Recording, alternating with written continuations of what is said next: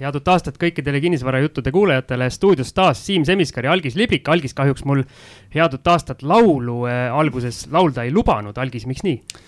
tead, mul abikaasa kodus on öelnud, et laulavad need, kes oskavad, on ju, ja no, olen sinuga piisavalt palju saadet koos teinud juba, et äh, teades, et mis su tugevused ja nõrkused on, nii et äh, jääme ikka iga kingsepp oma liistude juurde. tõsi, mulle meeldib, et Algis ka uuel aastal mind siin äh, nii-öelda hobuseid tagasi hoiab, et laulda ei luba mikrofoni ees, jumal tänatud sellega. aga tahtsid sa veel midagi öelda? Ma tahtsin ka omalt poolt kõigile head uut aastat soovida ja küsida, et Siim, kuidas sul aastavahetus läks?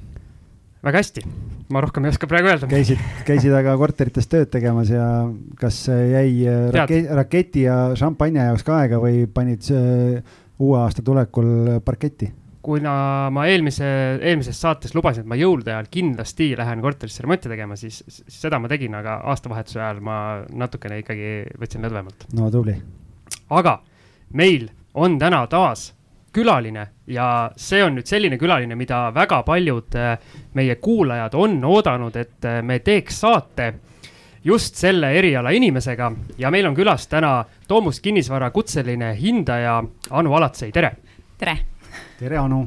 tere, Algis nii, Anu äh,, oleme meie Algisega mõlemad äh, nii-öelda kasutanud tema ekspertiisi, Algis, Algis tutvustas mind Anule ja mina kasutasin ka oma viimase, viimase korteri ostul, millest me eelmine saade ka rääkisime. aga Anu, kui kaua sa oled hindamisega tegelenud või kui kaua sa oled hindaja olnud äh,? hindamisega ma olen tegelenud umbes neli aastat. et äh, ennem seda olin raamatupidaja ja, ja siis äh, sain, sai minust hindaja aga, aga kui sa nüüd mõtled selle peale, et, et äh, nii-öelda raamatupidajast äh, sinna hindajaks, et äh, noh, mina maaklerina ju tean, on ju, ma olen maaklerite juht olnud ja, ja, ja tean seda nii-öelda köögi poolt väga hästi, et täna maaklerina saab igaüks alustada. hindajatel käib see asi natukene teistmoodi, et äkki sa räägid meie kuulajatele kolme sõnaga sellest, et milline see teekond üldse on, et kui nüüd keegi näiteks tahaks, mõtleb, et oh, ma tahaks ka hindajaks saada, et äh, mida see üldse tähendab või kuidas see asi käib? Äh, selleks, et hindajaks saada, siis tuleb teha endale kinnisvarahindaja kutse.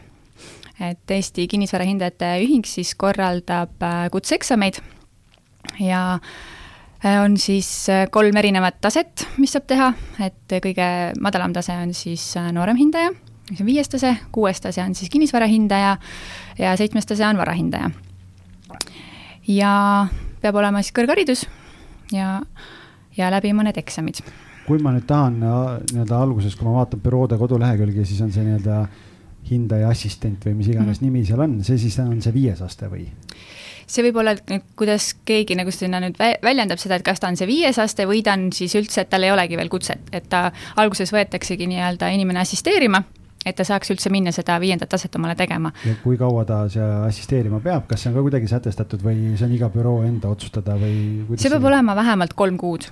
okei okay,, et sinnamaani on siis nii, et kui, kui Siim tahab hindajaks hakata ta tuleb, äh, siis ta on assistent, äh, tema teeb äh, oma eeltöö ära ja siis keegi nii-öelda kutseline maakler siis, hindaja, hindaja vaatab selle Algis üle. kõik maaklerid. kõik maaklerid.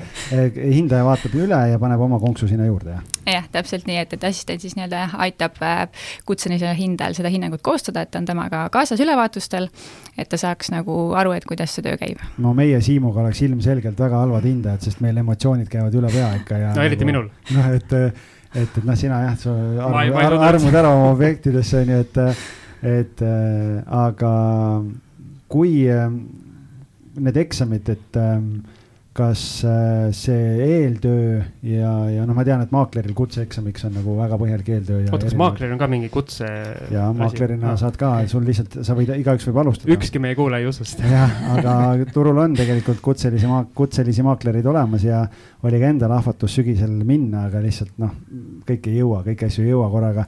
et, et, et see on, on nagu plaan ära teha, aga, aga küsimus ongi selles, et kas äh, kas see õppimine on nagu väga suuremahuline või see on ikkagi peamiselt nii-öelda selle eksami tegemine baseerub äh, reaalselt tööl, et kuidas see nagu välja näeb? Äh, tegelikult tuleb eksamiks väga palju materjali läbi töötada, et, et seal on ikka erinevad seadused, siis on kõik need äh, hindamise standardid, mida on kaksteist tükki. et need tuleb kõik läbi töötada ja, ja tuleb teada siis nii-öelda majandusteoreetilisi aluseid ja, ja kindlasti siis neid äh, võrdlus- ja tulumeetodit, mida siis hindajad oma töös kasutavad aga minul on selline küsimus, et kui nüüd see õpilane käib selle nii-öelda kutselise maakleri käest õppimas, kui kaua see nii-öelda õpiperiood äh, üldse kestab umbes? Äh, sa mõtled nüüd, kui see assisteerimise ja, periood? jah, just. no see ongi umbes jah, kuu, kolm kuud. okei okay. mm. -hmm kas te vist rääkisite sellest mul? see on, see on hea, et ma kuulen. Siim on veel aastavahetuses oma mõtetega, onju, aga noh, anname andeks, et, et juhtub ka paremates perekondades. aga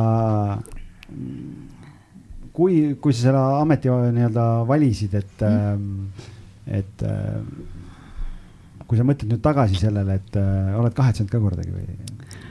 ei ole et, et, et kui keegi kuulajatest tahab äh, hindajaks saada, siis soovitad, et on, on põnev ja, ja tasub minna?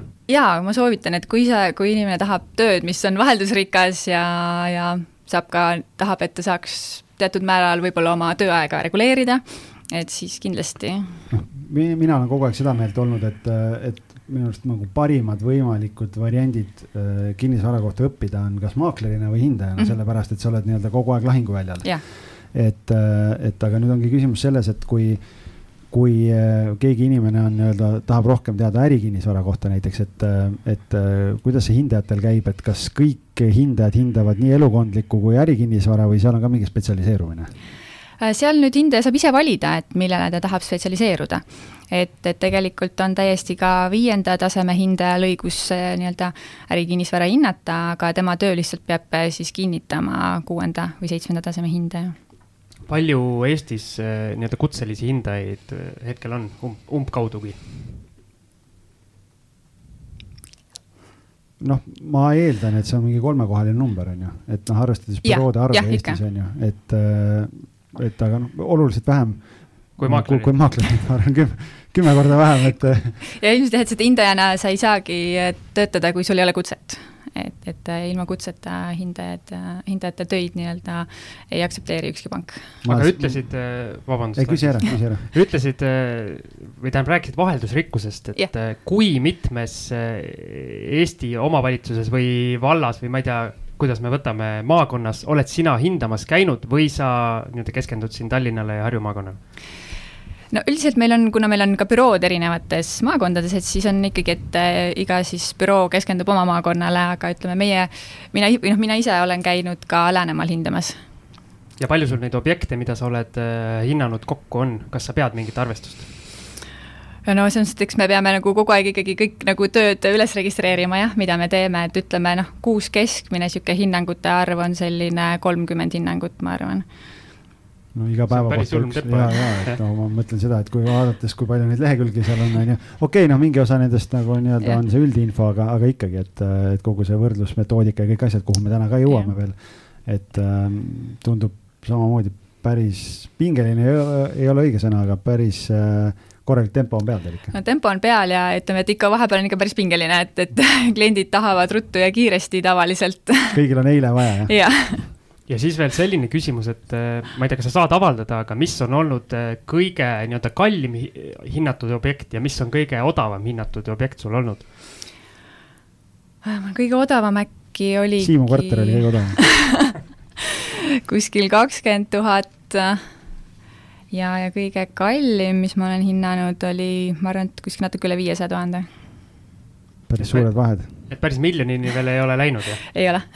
Ütleme, miljonisi objektega väga, väga tihti ei müüda jah, et see on äh, suhteliselt harva, just mul oli, eile oli diskussioon siin, et noh, et umbes, et noh, et kui kahemiljonilist objekti müüa on ju umbes, et noh, et see on ikka easy money maaklerile umbes, et noh, et võtad sealt ühe protsendi vahendustasu ja noh, issand, kui palju teenitakse. ma ütlesin jaa, aga selle objekti müümine võib-olla võtab sul kaks aastat on ju, et kui palju sul on neid kliente, kes sul, kes sul seda kahte miljonit on nagu nõus välja käima või ta, kas talle just sobib see maja, mida sa kahe miljoniga müüd, on ju, ja siis on kaks osapoolt on ju ja, ja kõik need asjad ja kulud ja värgid, et noh, et et äh, numbrid on sihuke huvitav maailm, et, et see ei ole kõik nii must ja valge, et äh, aga äh, kui me, kui me mõtleme nüüd selle peale, et äh, sa hommikul lähed kontorisse, et äh, milline hindaja selline tüüpiline tööpäev välja näeb, näeb, et mis tegevusi kogu see asi sisaldab? Äh, no tavapäraselt on ikkagi nii, et no mina enda tööpäeva katsun alustada alati objekti ülevaatustega. et teen hommikul objekti ülevaatused ära ja siis lähen kontorisse, hakkan siis neid hinnanguid koostama. et kindlasti sinna vahele on veel kliendisuhtlust, hinnapakkumiste tegemine, vahepeal peab tegema ka reklaami, suhtlema arendajatega, et kõik selline okei okay,, aga, aga kui me nüüd võtame sellest, et sa käid objektil ära mm, -hmm. Siim kutsub, et kuule, mul on üks objekt, et mida ma tahan osta, on ju, et ole hea, tule tee hindamisakt ära. et kui sa nüüd käid kohapeal ära, mis siis edasi saab? siis äh, lähen kontorisse võtan omal netpildid sinna arvutisse ja hakkan seda dokumenti koostama, et võtan avalikest registritest kõigepealt andmed, vaatan üle ehitusregistri, kinnistusraamatu äh,, maa, maa selle Maa-amet. Maa-ameti äh, kogun sealt selle vara kohta kõik andmed kokku, vaatan, et kõik seal klapiks omavahel, väga tihti on seal muidugi erinevusi. ma just tahtsin küsida, et kui palju tuleb ette seda, et täna, et ei klapi? seda ikka tuleb äh, päris tihti, et äh, ja siis peate kuskil arhiivi veel kaevama ja. jah, et, et siis, kui me vaatamegi, et kõigepealt, et korteril ütleme seal mingid pinnand ei klapi, siis on vaja plaanid tellida kinnistusraamatust, sest tavaliselt omanikel ei ole neid plaane, kui on mingid vanemad korterid või majad majaplaane üldse on väga raske saada, et neid peab jah, siis arhiivist hakkama kuskilt tellima, kui on, on need kadunuma läinud. Ja noh, siis ma mõtlen lihtsalt seda, et kui, kui need äh, kõik, kogu see info on nagu koos mm, -hmm. et meil oligi minu meelest, äh, kas see oli siis, kui me tegime vaatajate, vaatajate, meil on juba vaatajad, ma võtan nii suurelt juba, et noh, meil on ju et, äh, et kui eelmine, kui me tegime seda kuulajate, kuulajate küsimusi ja vastuseid, siis äh, seal oli minu meelest küsimus, et et noh, et äh, mille, et kas, kas hindajatel on mingi, mingi andmebaas ka, kust nad neid vaatavad või saavad nad ainult oma büroo tehtud hindamisaktide alusel neid asju teha, et et äkki sa räägid selle poole ka sinna juurde, et äh, kuidas see asi nagu nii-öelda numbriliselt äh, välja näeb mm? -hmm. sa mõtled siis, et kust me saame neid äh, tehingute andmeid? jah, võrreldavate mm -hmm. tehingute mm -hmm. infot. kas teil on mingi salaandmebaas, mida keegi teine ei saa? Kullalaegas meil nagu bürool isiklikult salalaegast ei ole, aga kõik bürood siis tellivad Maa-ametist tehingute andmeid. Kas, kas Siim saab ka tellida, kui ta tahab või see on? ei saa, tema ei saa tellida, et Äh, tehingute meil nagu büroodesse tellivad andmeid siis äh, kutselised hindajad. äh, ja seda, või seda saab tellidagi siis seitsmenda taseme hindaja, et teistel seda õigust ei ole. et need bürood, kus on ainult kuuenda taseme hindaja, kõige kõrgema, noh, ma ütlen, nemad ei ah, saa siia? jah, ei, nemad ei saa jah, et seitsmenda taseme hindajal on see õigus neid andmeid tellida.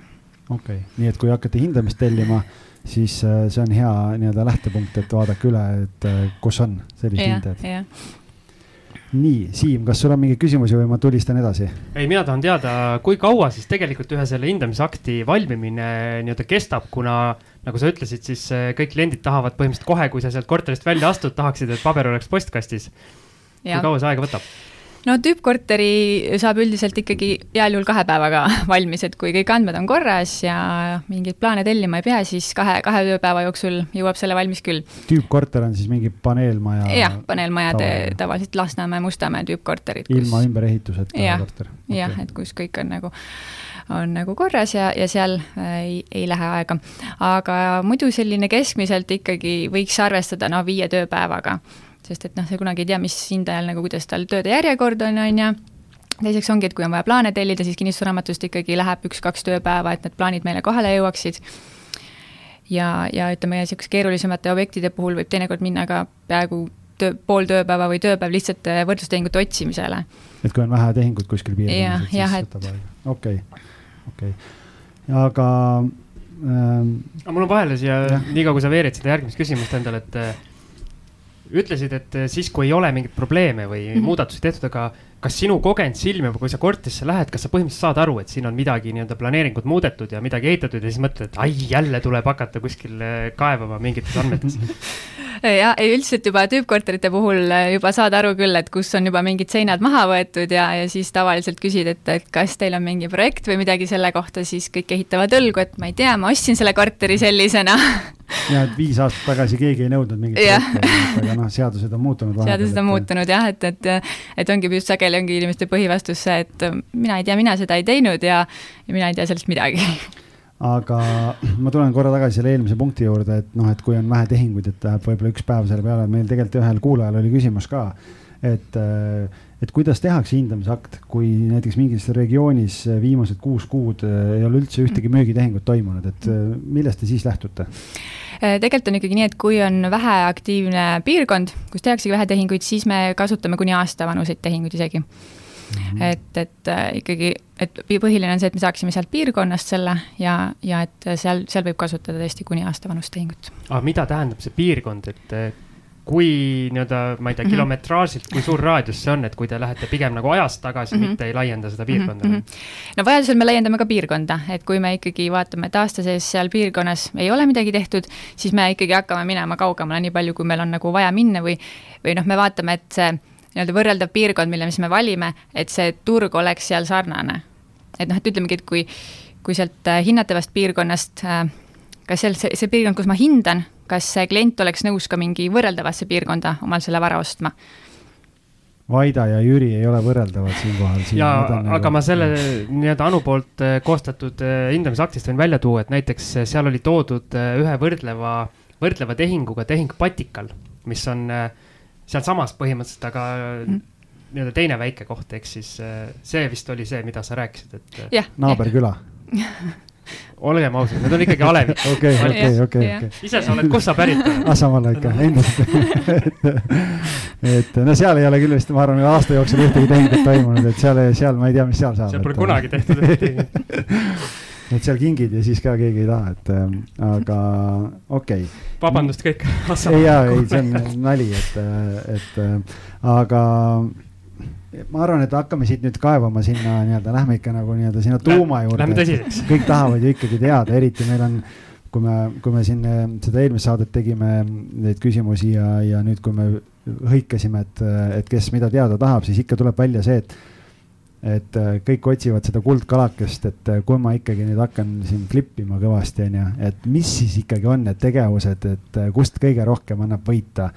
et äh, ma loen sulle mingi loetelu ette, mm. onju, ja, ja siis sa saad öelda, et eh, kas mõni nendest asjadest on selline, mis eh, tõstab, langetab hinda või, või on seal veel mõni selline nii-öelda võib-olla kõige levinum asi, mille, millest peaks nagu lähtuma, onju, et eh, meil on küsitud, et kas kõrgemad laed tõstavad hinda, kas suuremad aknad võiks tõsta hinda või hoopis äh, tavalisest kolm korda suurem panipaik ähm, kas õhksoojuspump äh, alandab hinda?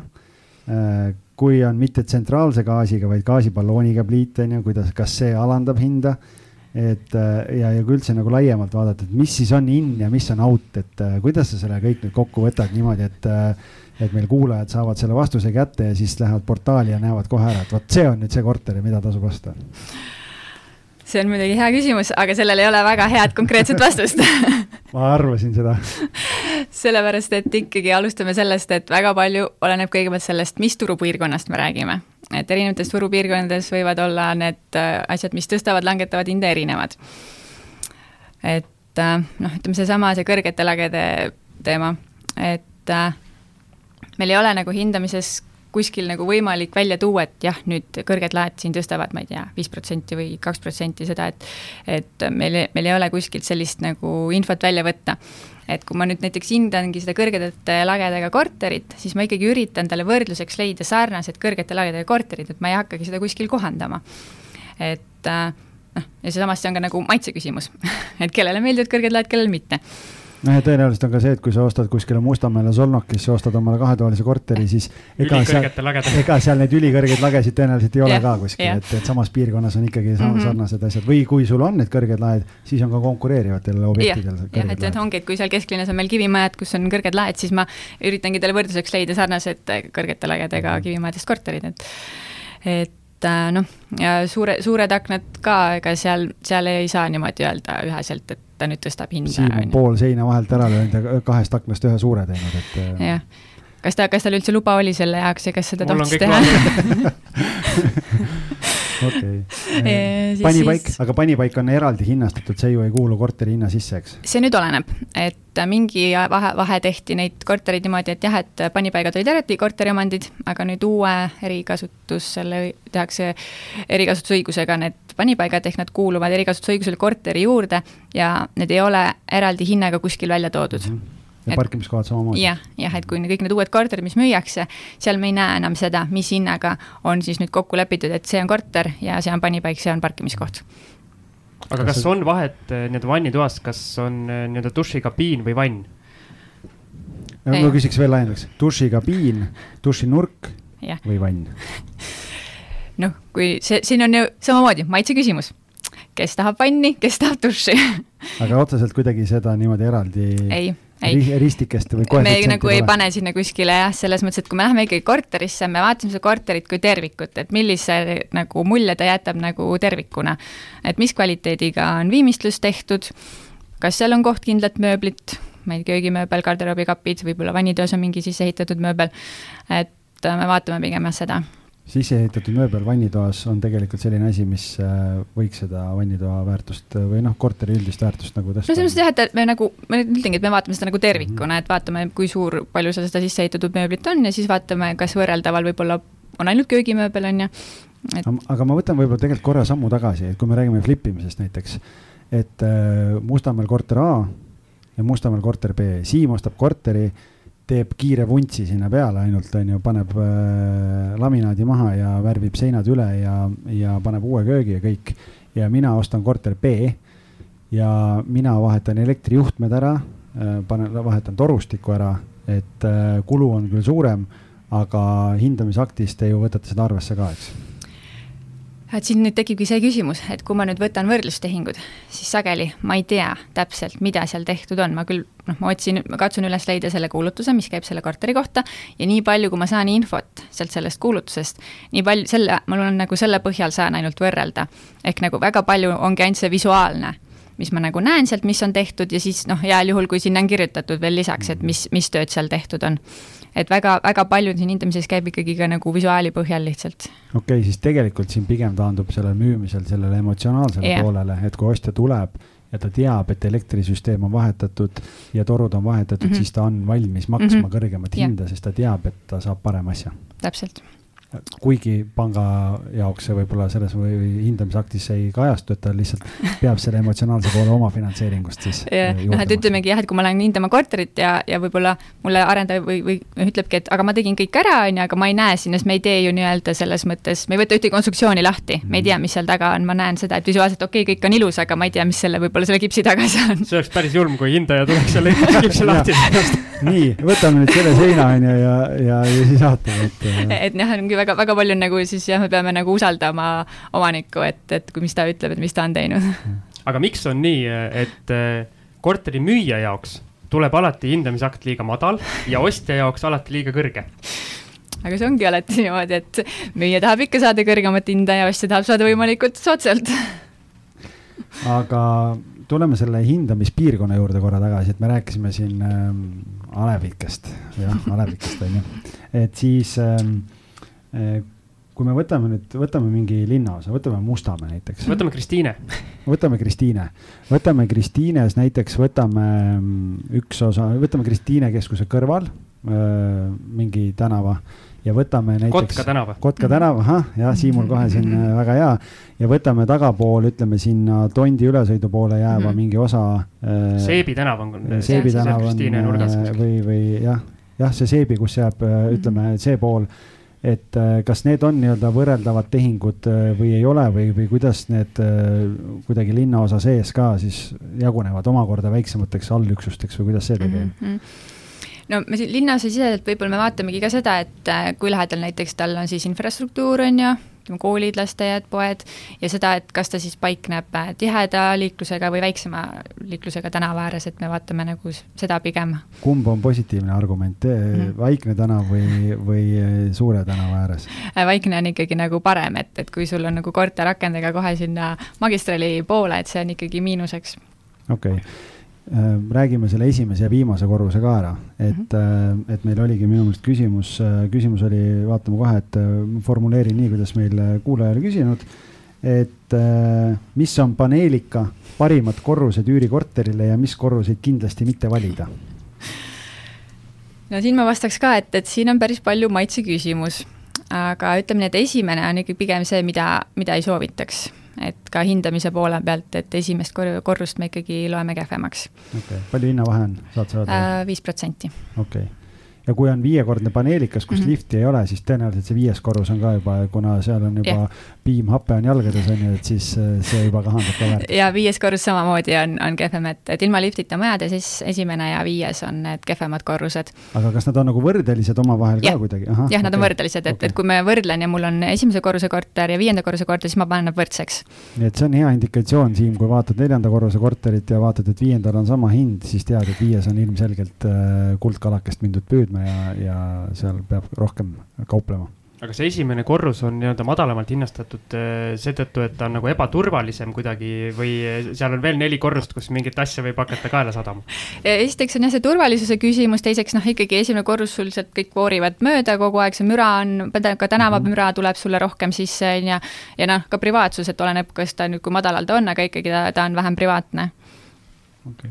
no see on ju, ma arvan, siit on päris, päris palju juba võita, aga noh, eks seal ongi ta, aga samas jälle ma siin tooks nüüd paralleeli selle koha pealt, et äh, kui sa ostad äh, mitte, ma ei tea, flipiks, vaid, vaid ostad üüriobjekti ja vaatad kümneaastast mingit äh, horisonti, et siis üürnikul, osade üürnike jaoks esimene korrus ei ole probleem, nendel ongi vaja esimest, võib-olla on liikumispuudega inimene või, või, või lastega näiteks on ju, et sa ei hakkagi sinna neljandale-viiendale korrusele just on ju, et ma olen ise elanud neljandal korrusel ilma liftita majas ja tuled, on ju, sul on kolm poekotti, sul on seal ka- kaks või kolm last on veel käe kõrval, on ju, ja, ja siis sa tuled sealt ja nagu noh, sõltuvalt olukorrast või, või päevast et äh, aga, aga noh, et siis, siis tegelikult ongi, et, äh, et võib-olla see esimene korrus oleks üldse parem. no mina näiteks elan esimesel korrusel ja Noh. just nendel põhjendustel, mis sa ütlesid, olen väga rahul. et, et väljaüürimise eesmärgil või kui sa mõtled nii, et eh, kolmas või neljas korrus versus esimene korrus, et sa saad esimese korruse korteri viis prossa odavamalt kätte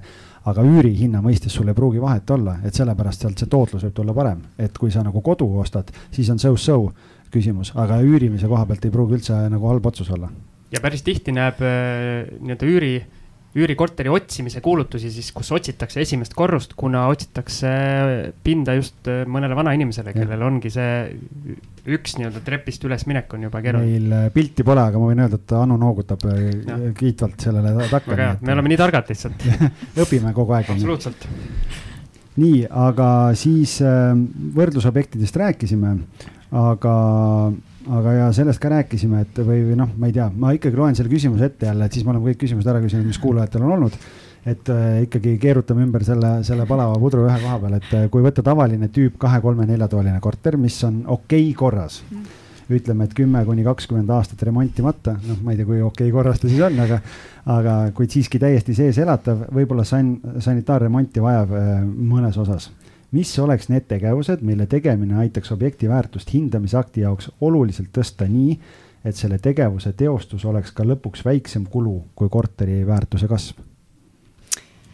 no aga siinkohal ainuke nagu soovitus olekski see, et äh, tehagi siis selline kergem sannremont, et värvi seinad ära, lagi ära, võib-olla, ma ei tea, kas põrandad, kuidas see põranda seisukord seal on. et, et kui tuleb ostja või tuleb hindaja, et siis ta näeb, et see on nagu värske, puhas, et ta saab selle seisukorra nagu paremaks hinnata. tehke siimu, ma ütlen selle peale Miks? uus termin sõnaraamatusse, et äh, siimu tegema tähendab seda, et ostad, vaatad vannituba ja köök on enam-vähem teed seda, mis oskad. vuntsid ära nii-öelda, värvid üle ja uus põrand ja voilà.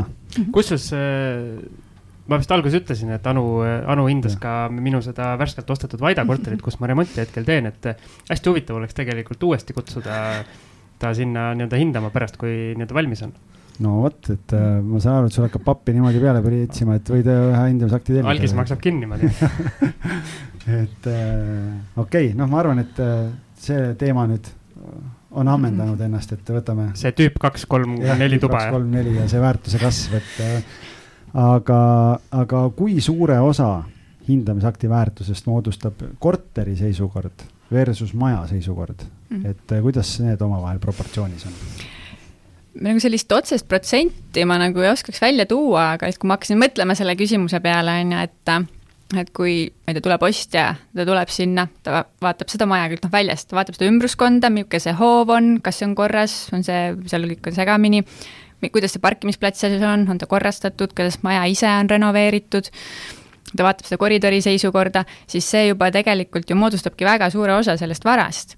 et see kort-, see jõuab sinna korterisse, noh, see on, see nagu tundub, et oleks nagu palju väiksem sellest, kogu sellest, et et tegelikult on ju, kui nagu on seal toimiv korteriühistu ja maja on korras, siis see nagu ikkagi annab päris palju varale juurde aga noh, selles mõttes mina olen ka kogu aeg seda meelt olnud, et kui sa ikkagi, kui ma müün mingit korterit, siis ma ei müü korterit, vaid ma müün seda, kogu seda elukeskkonda ja piirkonda mm. ja see on seesama asi, mis me Siimuga siin need küsimused, et või, või need, et lähed jalutad piirkonnas ringi ja vaatad, kuidas seal on ja kas mingid pommšikud on kuskil põõsa all või ei ole ja, ja kõik see pool yeah aga, aga ma tulen tagasi, mul tuli meelde see üks küsimus, mis vaata ühes selles äh, Facebooki grupis oli, millega me oleme siin eelnevates saadetes ka seda välja toonud, et äh, oli selline küsimus, et äh, kuueteistruudune mikrokorter oli või kaheteistruudune, mis ta oli Mustamäel, et, et ühel inimesel oli küsimus, et kumba osta.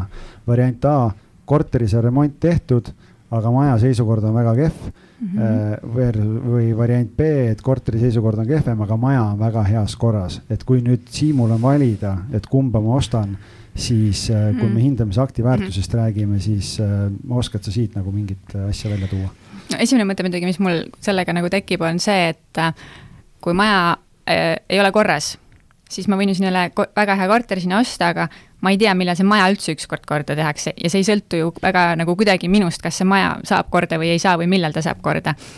et kui ma ostan korteri võib-olla, mis vajab väheke remonti, siis selle ma saan nagu ise ära teha ja mul maja on juba korras jess, ma sain oma sõnadele kinnitust, sest mina, mina tookord ütlesin või me arutasime seda, et äh, kui sul on äh, maja seisukord on kehva, siis tekib küsimus, et millega see ühistu seal tegeleb, et miks see maja on peldik mm. -hmm, yeah. et äh, ja see, see on tegelikult asi, millesse peaks nagu sisse kaevama. mina olen ka sellest seisukohast lähtunud, et maja peab olema korras, et just see nii-öelda esmamulje peab, noh yeah., kui sa näiteks välja üürid korterit, see esmamulje peab olema selline, et inimene tahab edasi minna, seal meil käis Kristi Saare külas siin kümnendas osas, kellel oli kuskil Kopli ühikas oli korter, kus koridori, noh, koridor oli läbimatu või yeah ei tahtnud sinna keegi minna. Hitchcocki õudusfilmist äh, seal.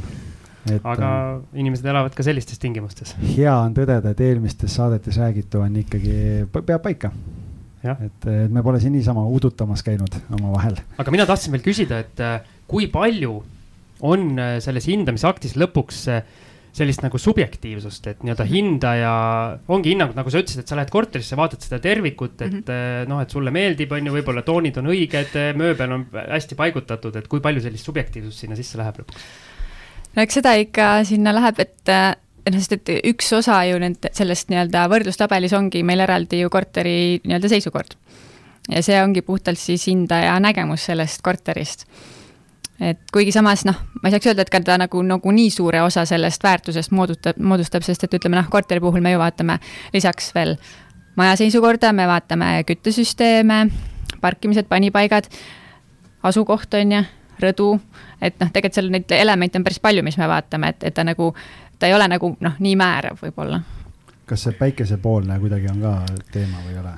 ei. okei okay aga ma, ma toon. päike pole Eestis üldse teemaks olnud. aprillis tuleb jälle, et aga, aga ma küsin nagu, toon veel ühe paralleeli siis, et ähm, korter A, Siim ostab, on ju, teeb ära, kõik korter B, mina teen ära.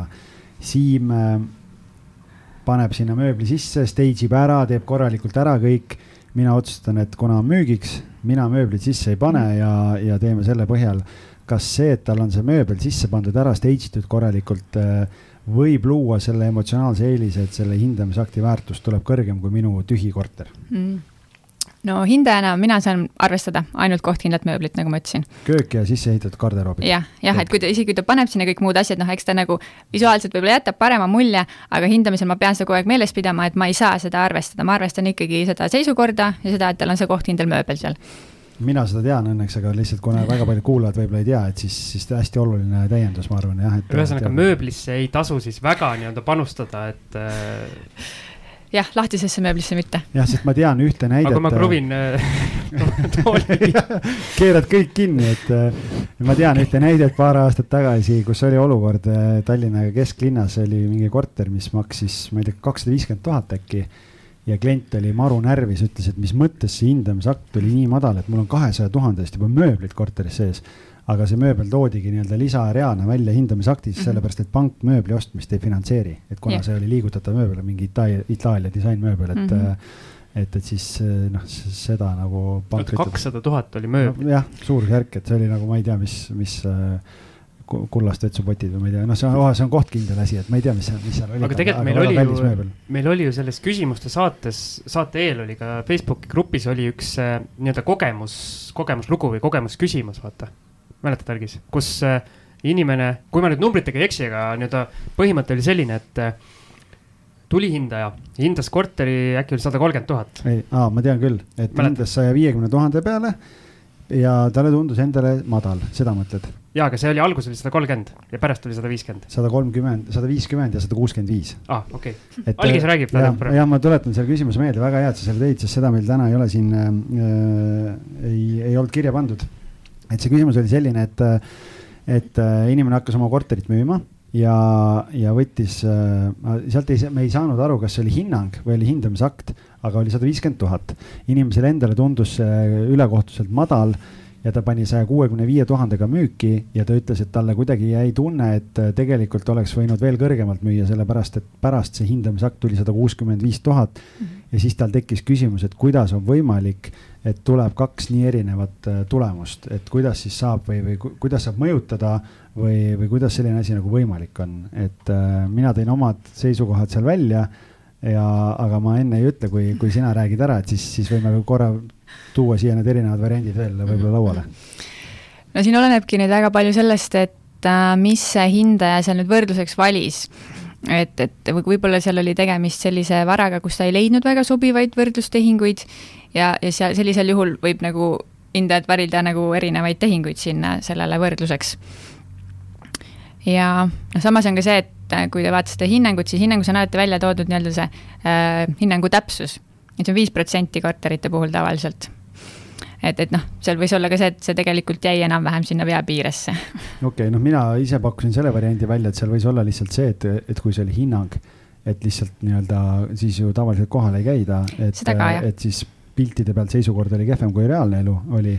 ja teine variant oli see, et et sellel ajal, kui ta seda küsis versus see, kui ta müüs, oli vahepeal toimunud mingid tehingud, äh, mis olid kallimad ja, ja sellest tulenevalt sai võtta mingid võrdlusobjektid ja sellest tulenevalt tuli see väärtus nagu kõrgem. jah, et see, see on ka täiesti võimalik, et see oleneb, kui pikk vahe seal sellel kahel hinnangul oli, et seal vist tõesti olla, et piirkonnas tehti vahepeal kallimaid tehinguid.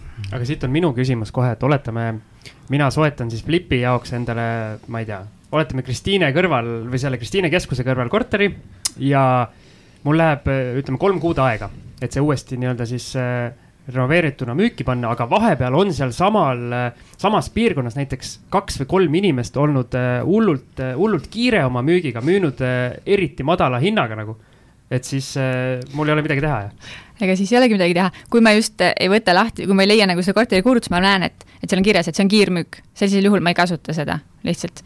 et kui ma, kui ma tean, et see on olnud kiirmüük, siis ma ei kasuta seda või, või kui tõesti, kui ma näen, et et piirkonnas tegelikult või ma tean, et peaks olema need kort-, noh, sarnased korterid nagu kõrgema hinnaga ja ma näen, et see on tehtud madalamalt, siis noh, endal peaks juba, endal tekkima küsimus, et kas see on nagu reaalne.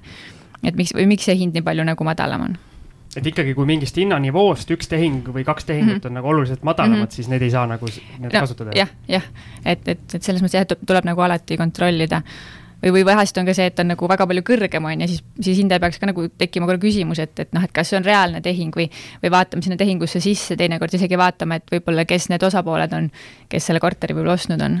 seal on see nii-öelda turu manipuleerimine, et äh, müüd ühelt oma firmalt teisele ja, ja siis selle jaoks, et hinda tõsta on sellist reaalset asja tehakse või? vahest tehakse küll. Vot näed sina, Siim, tegelikult näed, sa pastid praegu jäid. ei no, ma mõtlesin, ma tulin heale ideele, aga seda tehakse juba. nii, aga siis äh, sellisel provokatiivsel lainel paneme siit edasi. oot-oot-oot. nii teeme vahepeal ühe pausi ka, me ei ole veel ühtegi pausi teinud. teeme jah, vahepeal laseme Anul natukene vahepeal hinge tõmmata. väike vahekõll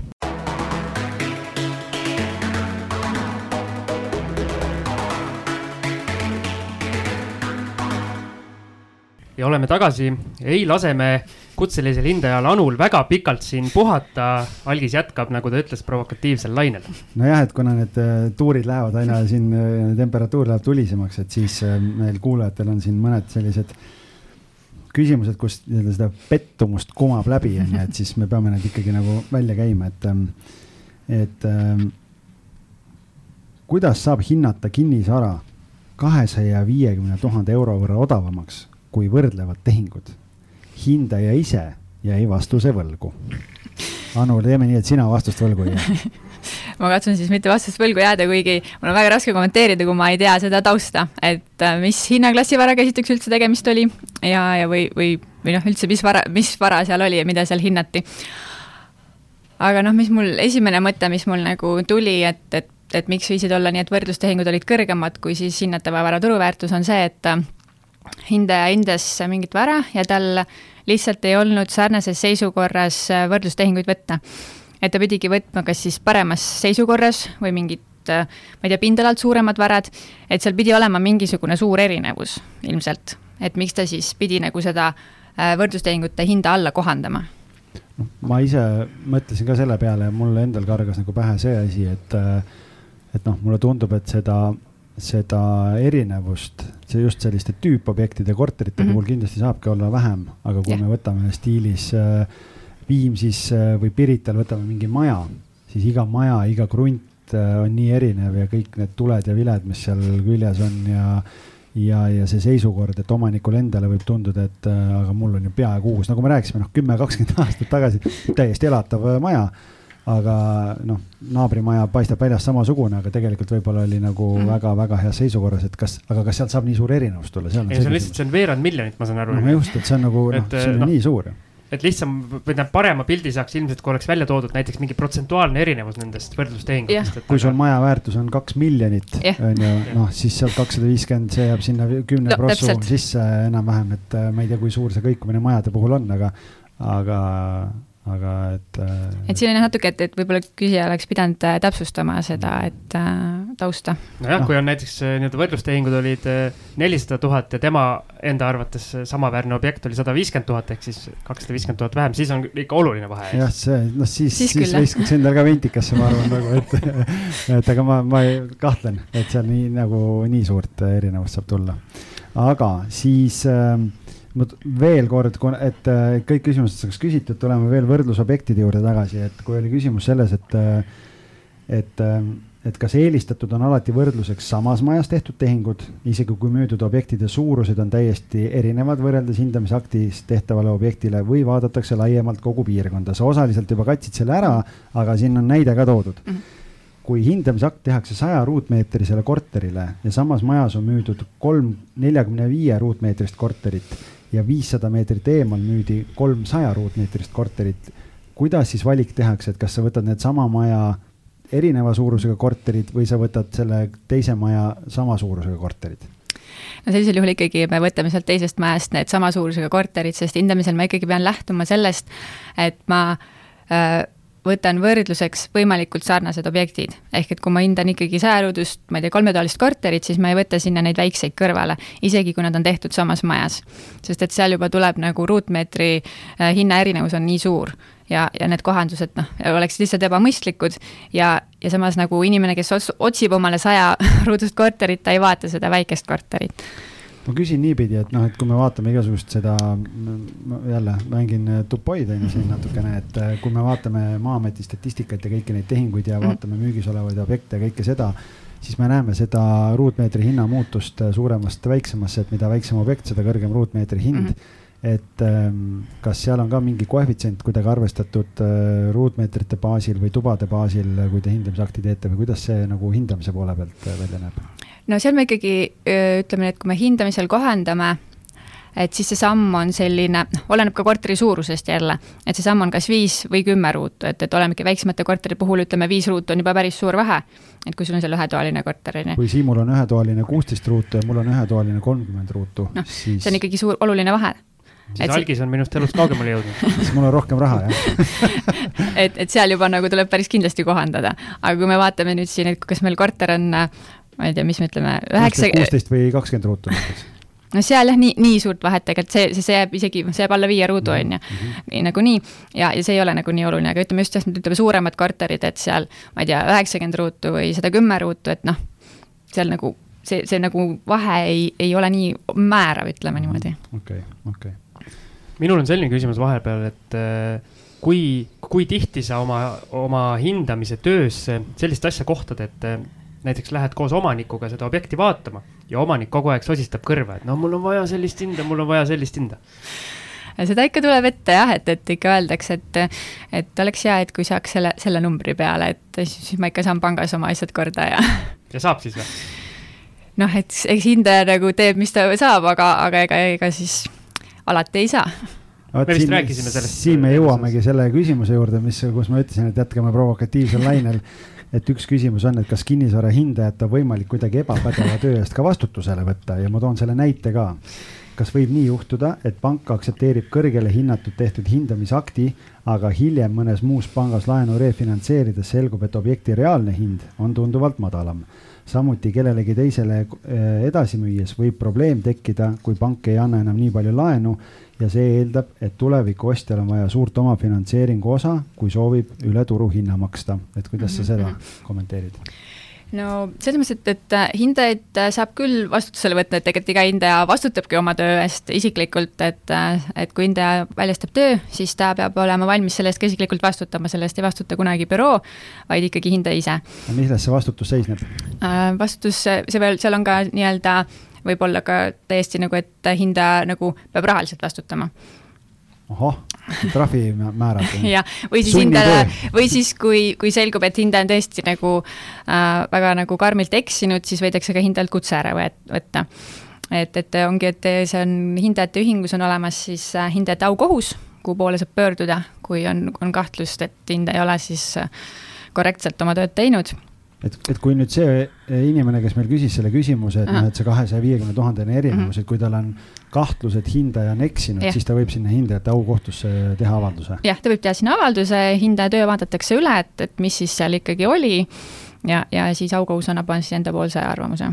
okei okay., kui nüüd aukohus ütleb, et jah, hindaja on eksinud, kas siis tehakse uus hindamisakt või mis, mis siis äh, tulemus on seal?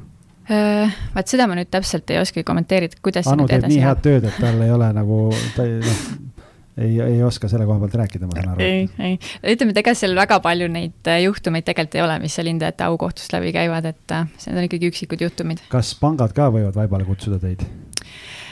pangad nagunii teevad monitooringut meile kogu aeg, et, et korra isegi vist kaks korda aastas pangad nagu monitoorivad meie hinnanguid ja annavad tagasisidet, kui on midagi seal valesti või, või eksinud keegi. kui palju reaalselt äh, on äh, Eestis olnud päris nagu nii kaugele mindud, et see kutse on ära võetud, et on juhtunud seda üldse?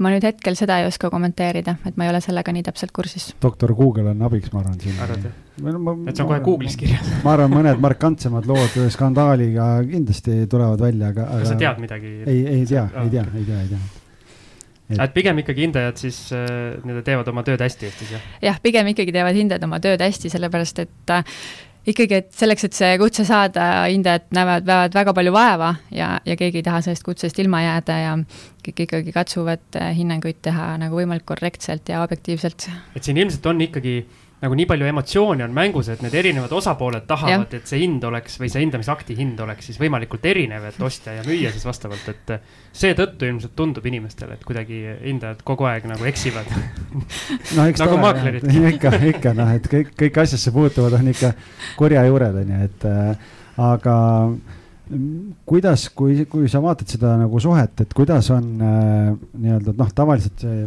hindamisakti on vaja ostjal panga jaoks, et kui palju äh, omanikud ise hindamisakti tellivad? omanikud ise ikka vahepeal tellivad ka, kasvõi näiteks äh, kes tahavad ise müüa, siis nad tellivad müügihinna määramiseks.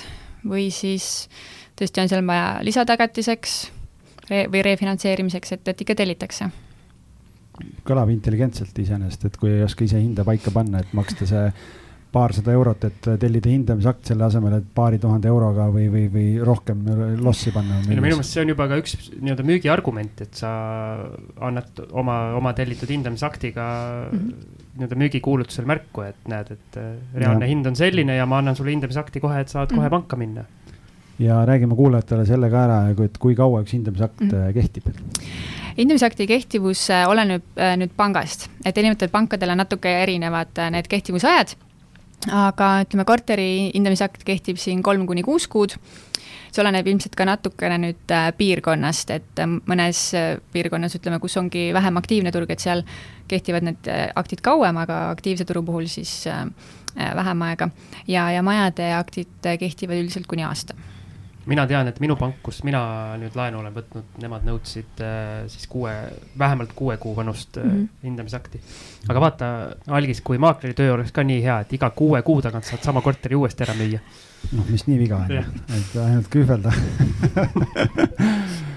aga, aga võtame siin nüüd, äh, me siin valdadest rääkime, mitte valdadest, äh, äh, alevikest, alevikest rääkisime. mees on nii ära linnastunud. tuleme, tuleme nüüd Assamaale juurde tagasi, onju, see ei ole küll minu küsimus, aga, aga üks kuulaja on küsinud, et kui maakohas on kappremonti vajav korter, näiteks vaid paar tuhat eurot ja ütleme viiskümmend eurot ruutmeeter näiteks et kui sinna korterisse sisse panna viisteist tuhat eurot remondile ja ka kortereid selles hinnaklassis müüdud pole, kas olematute võrdlusobjektide tõttu ei olegi võimalik hinda määrata või kui ostja selle hinnaga on käekõrval olemas, kas panga jaoks ikkagi saab sellise hinnangu, mis arvestab, et see viisteist tuhat on mm -hmm. sinna korterisse sisse pandud?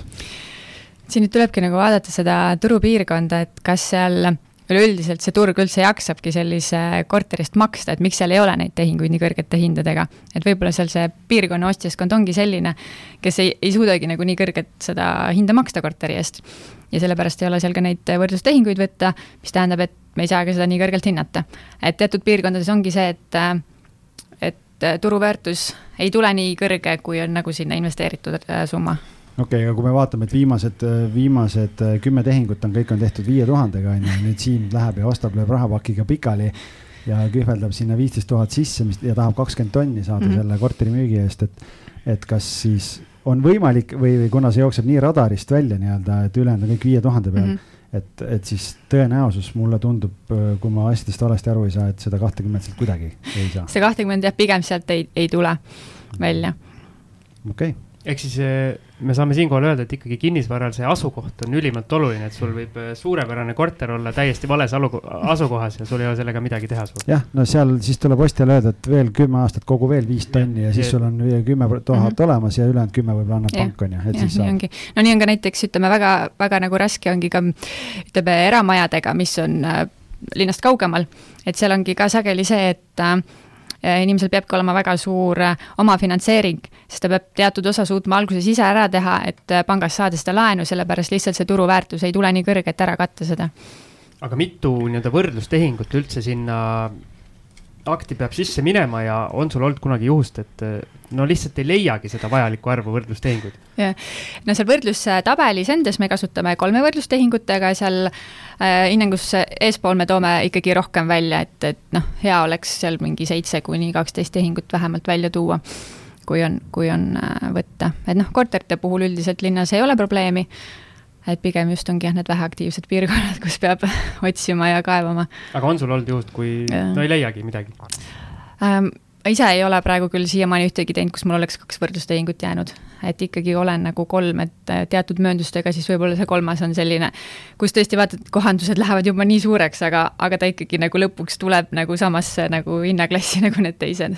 Siim, kas äh teed Anu elu keeruliseks kaks tuhat kakskümmend üks ja otsid mõne sellise objekti välja, kus äh.... no vaatame, vaatame siis. kunagi ära ütle ei. okei okay., nii Siim, äh, mul vist praegu küsimused hakkavad otsa saama, kuidas sul on, et äh, tahad sa midagi veel küsida, et äh, et või teeme väikese pausi ja siis räägime natukene Anu enda investeerimisteekonnast. see on hea mõte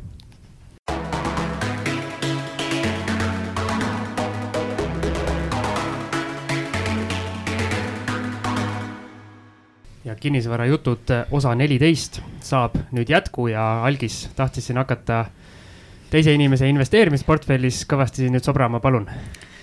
me ikka kõikidelt eh, külalistelt tavaliselt küsime jah, et, eh, et, et kellel milline kogemus siin endal investeerimisega on, et, et kuidas sinul, Anu, investeerimisega lood on, et mis varaklassidesse, kas üldse ja mis varaklassidesse oled raha pannud?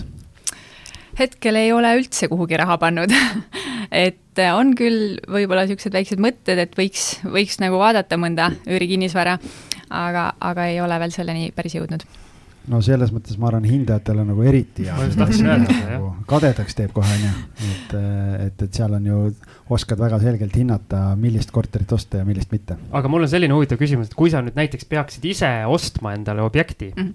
ja nii-öelda tellima hindamisakti, kas sa tohid iseendale hindamisakti teha ei, ma ei tohi iseendale hindamisakti teha okei okay,, ma arvasin. kindlasti mitte aga näiteks äh, mõne nii-öelda hea sõbranna samast äh, büroost tohiksid tellida? jaa, büroost ma võin oma kolleegi kasutada. aga ta mm. peab välja alati hinnangust tooma, et noh, me hindame küll näiteks oma kolleegidele, aga siis me toome ka alati välja, et et, et ta on nii-öelda seotud äh, selle ettevõttega või noh, me oleme seotud omavahel aga kui sa nüüd ütlesid, et oled vaikselt mõelnud, et mm -hmm. kuhu suunas sa mõelnud oled, mis oleks need objektid, mis sulle nagu üüri, üürikinnisvarana huvi pakuksid? no ilmselt ikkagi pigem sellised äh, ühe- või kahetoalised korterid, ütleme siin Mustamäel. nojah, praegu see Mustamägi on, ütleme, kõik räägivad, on ju, aga mm -hmm. ma vaatan, et et seal on ikkagi kõva andmine käib, et no. arendatakse nii palju juurde, et, et ega seal sellel, kuna uusi maju tuleb nii palju peale, siis oh, tegelikult ma tulen korra veel tagasi siia, vaata jutu käigus tekivad head küsimused, et et äh, alati on see igipõline küsimus olnud, et äh, nii-öelda Siim oma paneelika omanikuna siin, no tema nunnud on ju. et äh, ja mina, minul on nüüd äh, uusarenduses korter, siis äh, noh, Siimul on ju see arvamus, et ega minu uusarenduse korteri ja tema oma kätega renoveeritud korteri, kus ta on kolm last üles kasvatanud, et ega seal väga suurt vahet ei ole, ju, et kui no, palju. ei olegi ju et kui palju tegelikult on uh, uusarenduse korteri ja nii-öelda võib-olla sellise paneelika korteri, kahetoalise korteri sama suured korterid, et kui palju see hinnavahe on protsentuaalselt, et on see viisteist protsenti, kakskümmend protsenti, on seal mingi kirvemeetod ka, mis me saame välja tuua kuulajatele? Mm,? seal päris niisugust kirvemeetodit ei ole, aga ütleme niimoodi, et, et mis me siin vaatasime viimasel ajal, ütleme, et, et jah, et Mustamäe nii-öelda need paneelikates, kui sul on ikkagi juba väga hea, no tõesti väga hea remondiga korter, need isegi hakkavad juba nendele uusarenduskorteritele järgi jõudma. et noh, kui sul, põhimõtteliselt seal on nagu, kõik on tehtud, isegi kohtkindel, kohtkindel mööbel on sees ja kui sa võtad sinna kõrvale siis selle uusarenduse, on ju, noh, tal ei ole nagu kohtkindlat mööblitki, on ju ja, ja nad hakkavad juba suht nagu isegi samale tasemele jõudma. Noh, ütleme jah, mis uusarenduse plussiks on see, et sul on vähemalt kindel parkimiskoht olemas. et, et paneelikatel neid ei ole kas sa mõtled, et müügihinnad hakkavad samale levelile jõudma, aga hindamisaktist tuleb ju vahe sisse? hindamisaktist tuleb nagu teatud vahe sisse, aga see ei ole isegi nii suur okei okay,. et no. Äh, see oleneb, kui palju sinusugused snoobe algis neid uusarendusi kokku ostavad ja kui palju nad on nõus selle eest maksma. nojah, aga vaata, seal ongi see, et äh, need snoobid tavaliselt ostavad nagu hulgi, on ju, ja siis nad äh, kauplevad hinnas alla ka, et mm, -hmm. Et, et sealt tuleb see võit sisse. et see on see pool aga kuna Anu alles võtab hoogu oma investeerimisteekonnal on ju, siis ma pigem võib-olla mõtleks niipidi, et kas on mingeid küsimusi hindaja töö kohta või või üldse nende äh, nii-öelda väärtuste või asjade kohta, mida, mida me täna ei küsinud, aga mida sa ise hindajana peaksid nii-öelda vajalikuks välja tuua, mis äh, meie kuulajatel võib-olla ei, ei tulnud pähe küsida mm? -hmm. Mm. võib-olla niikaua, kui sa mõtled, mul tegelikult üks küsimus vahele tuli, et äh, enne rääkisime sellest äh, nii-öelda inimeste tagasisidest ka natukene või sellest rahulolematusest mm, -hmm. nagu Algis siin välja tõi kogu aeg. kui palju sa tegelikult sellist tagasisidet saad, et äh, noh ma ei tea, saadetaksegi mingi kuri meil või et umbes, et miks sihuke hind ja miks mitte, mitte too teine mm -hmm.. makske raha tagasi. ei, on ka mul raha tagasi nõutud jah, et öeldud, et see hind mulle ei sobi, et ma tahan oma raha tagasi nüüd saada ja uskumatu, aga mis, mis siis teete? et noh äh,, üldiselt ikkagi me üritame kliendile nagu võimalikult rahulikult ära seletada, et miks see hind tuli selline, et noh, ma saan aru, et inim-, inimestel on nagu oma emotsionaalne side oma varaga ja nad ja ka seda meie ei saa kunagi hinnata, on ju, et meie vaatame seda, kuidas turg seda vara näeb ja, ja siis me nagu üritame ikkagi noh, võimalikult jah, hästi ära põhjendada kõik need, miks, kuidas on kohandatud, miks nii on kohandatud, et, et ikkagi tellija saaks aru, et see turuväärtus nagu on õiglane aga on need nagu üksikud juhtumid, kus uh -huh. äh, nii-öelda pärast äh, selline nii-öelda stress võiks tekkida või äh...? Need on jah ikkagi pigem nagu üksikud juhtumid, et, et Siuke... no need on needsamad inimesed, kes Rimi kassaletis ka peavad vajalikuks kõik välja öelda sellele müüjale, kui, kui midagi nagu pähe mm -hmm. tuleb, et äh, ma arvan, et see on. ma ei tea, ma ei käi Rimis, ma ei tea, mis. no vahet ei ole, on see Selver või Prisma, sul on Krossi pood on seal Üris vist või, või jah, et, et, et osa inimesi on, kes peavad mm -hmm. vajalikuks igal pool teisi, teistele nii-öelda üks-null teha, et. ja pigem on ikkagi nagu tagasiside on nagu positiivne, et inimesed tänavad ja kuule, aga teeme väiksed reklaamiminutid ka, et mul on nii hea meel, et Anu tuli, et, et väga paljud inimesed ei tea tegelikult, et, et büroodel on ju ka erinevad soodustused mm, -hmm. et kui hindamisakti tellida, et on erinevate pankadega on erinevad koostööd, et mm., et kuidas Toomusel on, et millega, kui nüüd teie käest hindamisakti tellida, et mis need, mis need tuled ja viled on, mis sealt kaasa tulevad? no meil on peaaegu enamus Eesti pankadega koostöölepingud olemas et kõik pangad aktsepteerivad meie neid hinnanguid ja siis saab ka need pankadest kodulaenulepingu tasu soodustust, et mõned pangad on isegi, teevad täitsa äh, null euroga. näiteks Coop on üks ja ei tulegi kohe meelde, aga, aga nüüd jah, nüüd äh, siin Swedbankaga on nüüd kaks tuhat kakskümmend üks meil viiskümmend protsenti, et äh, päris arvestatav võit, et yeah. okei okay,, väikeste korterite puhul võib-olla ei ole, aga samas, kui sa nagu Äh, seal on, mida väiksema korteri ostad, seda rohkem võib-olla mm -hmm. iga euro on arvel ka, et, et siis, äh, siis selles mõttes iga võit on oluline ju. seda küll. aga ma saan aru, see on kodulaenuga eraisik siis? kodulaenuga eraisikutele, jah ja.. mul et... ei ole sellega midagi nojah, sa alles ostsid, on ju, siin, et äh, Siimul läheb kümme aastat aega, siis ta ostab jälle, me mõlemad tegelikult sellel aastal ostsime, kui turg on äh,, turg on nii-öelda üleval, et, et selles mõttes on nagu noh. sa mõtled kodu või?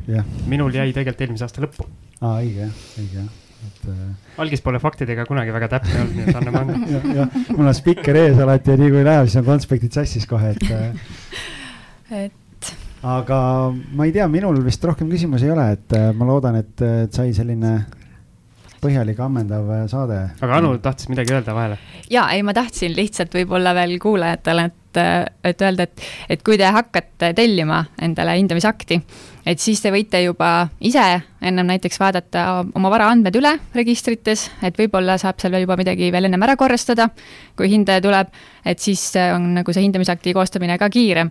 et võib-olla vahest ongi nii, et me hakkame tegema seda hindamist, ütleme, inimene tahab korterit müüa, ma hakkan, tulen, hakkan seda akti tegema, aga selgub, et registris on vaja üldse hakata andmeid muutma, mis võib tegelikult olla, võtta seal mitu nädalat aega ja siis kõik see protsess venib et, et noh, tegelikult ma soovitan vaadata üle, mis, mis andmed teie vara kohta on registrites. nojah, sest tegelikult selle puhul on see, et kuna ma ühe korteri puhul, mis ma müüsin, just tegime selle protsessi läbi ja, ja seal on ju see, et ega isegi kui sa tahad seda protsessi kiirendada, siis seda kiirendada ei saa, et kui sa teed selle teatise ära, siis linnal on kolmkümmend päeva aega mhm. menetleda ja tihtipeale, kui see järjekord on neil nii pikk, et see juhtubki kolmekümnendal päeval ja kui siis ka midagi ei ole korrektselt tehtud, siis lükatakse tagasi ja sul on puuduste kõrvaldamiseks omakorda aega ja, ja siis ja. läheb jälle kolmkümmend päeva.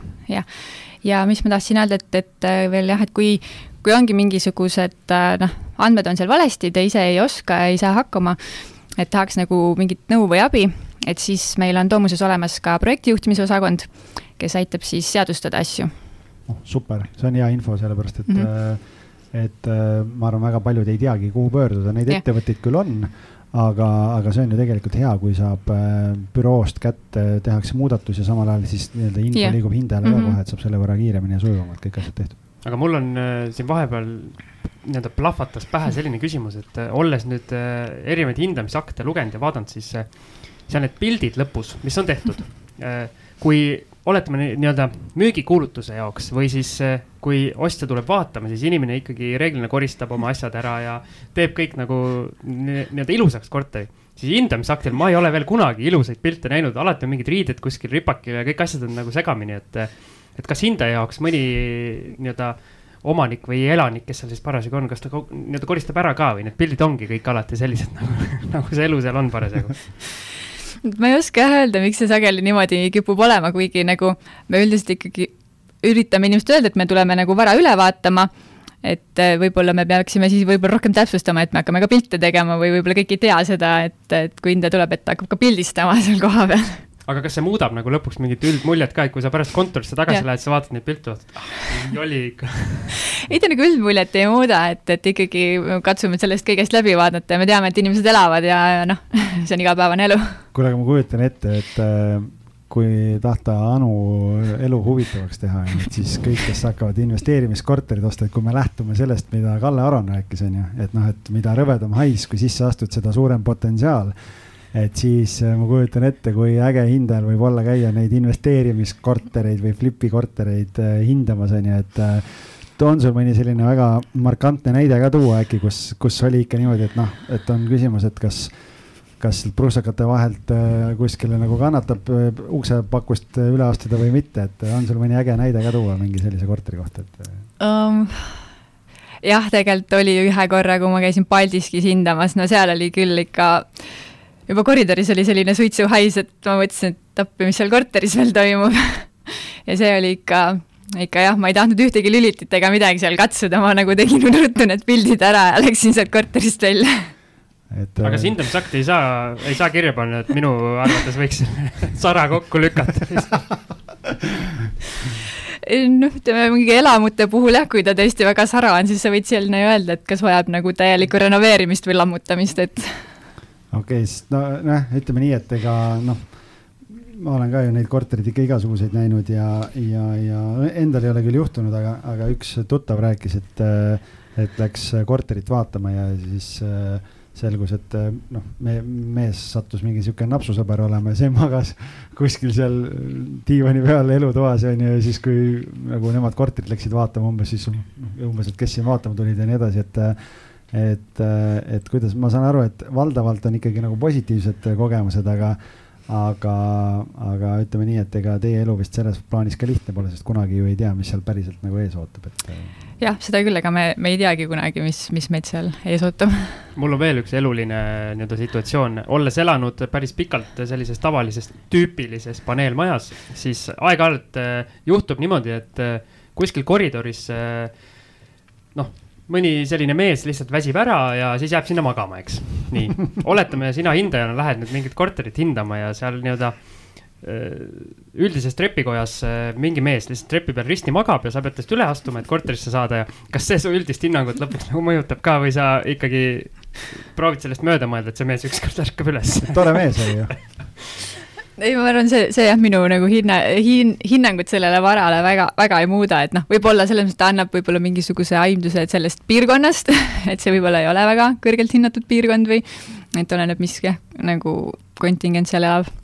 Kuna... kõik võivad ära väsida kas mõni selline juhus on ka olnud, kus eh, noh, ma ei tea, okei okay,, see on võib-olla eraldi teema tegelikult, aga, aga on ju nii-öelda ka need äh, kohtutäiturite jaoks hindamisaktid mm., et kas seda teevad mingid spetshindajad, mingi seitsmenda astme omad või äh, taseme omad või, või võib seda iga hindaja teha või kuidas see on, et ma mõtlen, et kas on mingeid selliseid olukordi ka olnud, kus pead minema hindamist tegema, aga, aga ei pääse tuppa? Äh, mul endal ei ole sellist olukorda olnud, aga, aga tean küll jah, et, et, et on neid olukordi olnud, kus ütleme, kus on mingi varaline vaidlus või, või tõesti see kohtutäituri teema, et, et ei lasta vara, varasse nagu sisse. aga, aga sellisel juhul ongi see, et siis me ei saa hinnata pangale et me saame küll anda nagu nii-öelda mingi hinnangu sellele varale, et me eeldame seal mingit seisukorda teatud, et ma ei tea, kas see on hea seisukord või rahuldav, on ju. aga, aga me see ei lähe, et seda, seda ei saa pangad aktsepteerida. et kui me ei ole ikkagi varaliku, varale saanud täit ülevaatust teha, et siis pangad seda ei aktsepteeri. okei okay., sest noh, kui investeerimiskorterite puhul vaadata, et äh, kui kuulutuses on ainult kolm pilti, siis sa tead, et noh, seal sees on tõenäoliselt on kaos, et mm, -hmm. et seal haistad seda potentsiaali kohe, noh, mhm. hind muidugi määrab ka, aga aga, aga jah, et siis ma saan aru, et nagu, et noh, oligi, see vastas selle küsimuse ära jah, et, et ega ütleme, pigem see on ilmselt kohtutäituri lahendada mm -hmm. olukord, mitte nagu hindaja probleem. jah. aga ma arvan, meil on vist aeg otsad kokku tõmmata ja ma arvan, et uue aasta jaoks siin oli seda väärtust, et nüüd kõik, kes tahavad siin ostma ja flip ima ja möllama hakata, et siis, äh, siis siin on, äh, kuulake kaks või kolm korda läbi ja, ja saate aru, kust ja. peaks alustama. ja siis helistage Anule, et mm -hmm. hindamisakt tellida. ja, ja, ja. ja, ja soovime siis edukat uut aastat kõigile ja Anu mm, -hmm. sulle ka, aitäh, et sa tulid ja, ja järgmise korrani. ja ma võib-olla lõpetuseks veel lisan, et meie kinnisvarajuttude Facebooki grupis, et kui teil ikkagi hindamise kohta mingeid küsimusi mhm. on, äh, siis, siis kirjutage ja küsige ja siis äh, me üritame siis Anult ikkagi teada saada, kuidas tegelikult need asjad käivad, kui on mingi konkreetne situatsioon mm. jah, sest Anu on meil grupis olemas seal ka, aga ja. tõenäoliselt sa väga palju diskussiooni seal pidada ei saa, sest nagu me alguses kuulsime, siis tööd on nii, et tapab.